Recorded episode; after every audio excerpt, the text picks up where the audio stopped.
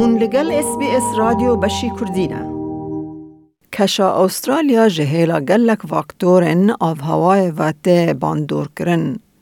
تشتین سرکه ین آف هوای لأسترالیا ده ناف ده ال نینیو و لنینیا هنه که باندوره که هری خورد لسر گوهرتنا آف هوای سال بسال لپرانی دورن ولیت دکه. بویرن ال نینیو و لنینیا بشکی خوزایی یا سیستم آب هوای گردونیه. لنینیا به گلمپری به باران زیده جناوینی لسرانسر استرالیا به تایبتی لحرم روژهلات و باکر و گریدایه. که جارنه به صدم الهیان. ال نینیو به گلمپری به کمبونا بارانا باکر و روژلات استرالیا و دکل داره. پروفسور سکات پاور ریوبر ناوند زانستن آف هوای لزانینگه ها باشوری کوینزلند دیار دکه که او بشک جه چرخا خوزاینه که به ناو ال نینیو Southern Oscillation که به کرتی انسو ته زانین. The El Nino Southern Oscillation is the term scientists give to a naturally occurring oscillation in the climate system consists of three different phases. Probably the most famous is El Nino. Another one is La Nina, which we're in at the current time. And then there's also a neutral phase when not much is happening. El Niño u La Niña damaku okyanusa Pasifike u atmosfera lejuriwe jibu salan ji rewşa normal te guhertin çêdibe. پروفسور پاور پروفسور آلیکاره لخوندگه ها ارد اتمسفر و جنگه لزانینگه ها منش دبیجه During El Nino, the oceans tend to warm up in the central and eastern Pacific, and the ocean tends to cool off a little bit to the north of Australia and um, over in the waters around Southeast Asia.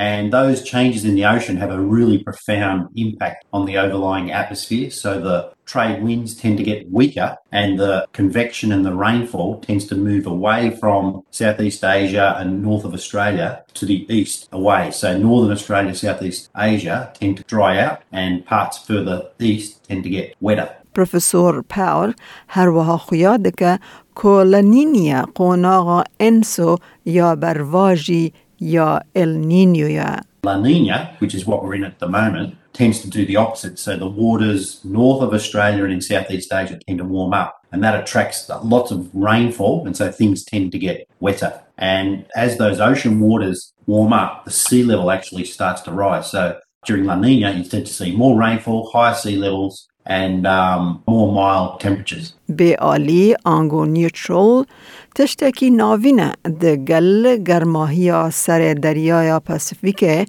یا تروپیکل SST به گلم پری نیزکی ناوینیه.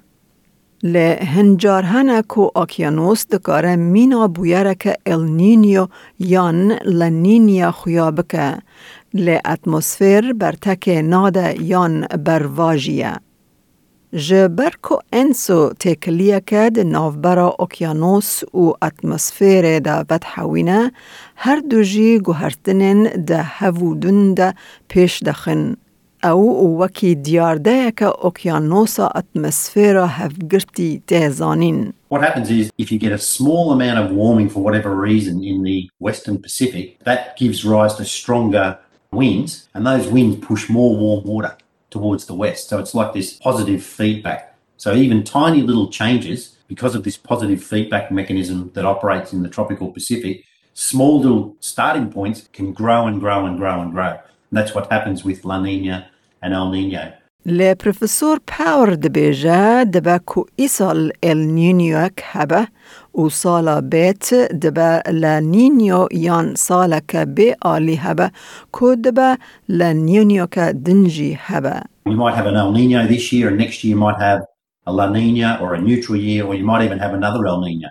It flips from one of those phases to another very irregularly. And each of those phases tend to last around about 12 months. Some last longer, some last for a shorter period, but on average, around about 12 months. پروفسور بردوام دکه او دبیجه او بویرانا جبر کو سیستم آب هوای لحرمن یکسانه کر نه آرامن دست پیدکن.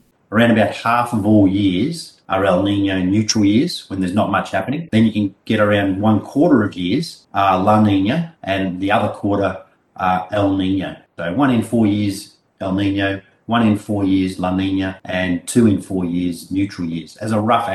بیروی مترولوژی استرالیا لسر هجمارک نشانگرن انسو چاودیری و راپورت دکه. ده ناو وانده دم کرتن چالاکیا بارینا بارانا تروپیکال گرماهی آوه لسر روی دریای او کورانیه ناوروکا گرما دریای اندکس و شینا باشور Southern Oscillation Index زختا هوای اتمسفیر اوربون هیزن بی و هرکن دریای هنه. گلو اندکس و شینا باشور چیه؟ او جداهی زختا هوای د نافبرا تهیتی و دارونده د پیوه. دکتر لینت بتیو پسپورا کلیمای یا شون بلنده ده تیم کاروبارن آف هوای اپراسیون ده لبیرویا مترولوژی کاردکه ده بیجه. The Southern Oscillation Index is actually the atmospheric part of the El Nino and La Nina events. When we talk about ENSO, it actually stands for El Nino Southern Oscillation, just really indicating that it's really important for the sea surface temperatures and the atmosphere to be acting together. We've been actually able to see, well, um, when the Southern Oscillation is either really strongly positive values or strongly negative values, that it actually goes with those phases of El Nino and La Nina and impacts Australian rainfall. هرچند کپرانیا زواتین مزنین لأسترالیا به بویرن النینیو را تکل دارن دما کو النینیو هبه بگمان زوابونا برفره نای گارانتی کرن. د دما شواتن که د سال 2019 ده گلک دور لأسترالیا شوتین فاکتورا که دنجی هیا.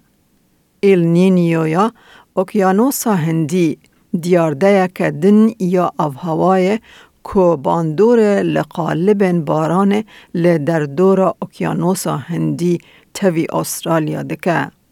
سیقوناغن ال نینیو اوکیانوسا هندی هنه. ارینی، نینی و بیالی. به ناوینی هر قوناک سه تا پنج سالان دومه. اوگ سنتوسو هفکار لیکولین یشون بلنده لناوندا لیکولین یا گوهرتنا آب هوای او سروک زانستی CSIRO یه رابردکه که النینیویا اوکیانوسا هندی نینی دبه صدم بارانه. Indian Ocean Dipole is a phenomenon that is similar to ENSO, but it's occurring in the Indian, Indian Ocean side. So the positive phase of the Indian Ocean Dipole is when sea surface temperature in the eastern side of the Indian Ocean, just to the west of Australia and Indonesia, it becomes colder than normal. And when that happens, it tends to lead to drier condition over Southeast Australia. Southern Annual Mode آژوکرک دن یا گرینگ یا گوهزباری یا باران ال استرالیا به تایبتی لبش باشور یا استرالیا او وکی Antarctic Oscillation جی ده زانین. The southern annular mode is an atmospheric condition which controls the location of the westerly winds over Southern Ocean, storms over the Southern Ocean, southern part of Australia, like Tasmania. So during the positive phase of southern annular mode, the storm tracks move southward. So the southern part of Australia tend to be drier. But when that happens, uh, it actually allows more winds coming from the east blowing towards southeastern part of Australia that bringing moisture that can lead to rainfall. دماکو اف به لنینیا را وره تیکل کرن او دکاره ببه صدما بارانا دجوار. دکتر پاور دبیجه که هستنا آف هوای پیدویه که بدن برچاو و هر وها فاکتورا که زیده جوان همی آجوکرن سرکه را وره پیک آنین. In addition to natural variability like El Nino Southern Oscillation, we've also got human forced climate change operating in the background. And so all of these variability associated with ENSO and other things is occurring now on the top of long term warming, on the top of long term increases in sea level across the globe, including around Australia. So, in order to understand what's happening, you have to take into account not only the natural variability, but also what climate change is doing to um, all of those climate variables. دەتەوێت بابەتی دیکەی وەک ئەمە ببیستی؟ گۆڕایرە لەسەر ئەپ و پۆدکاست گوگل پۆدکاست سپۆتفاای یان لە هەر کوێیەک پۆدکاستەکانت بەدەست دەێنیت.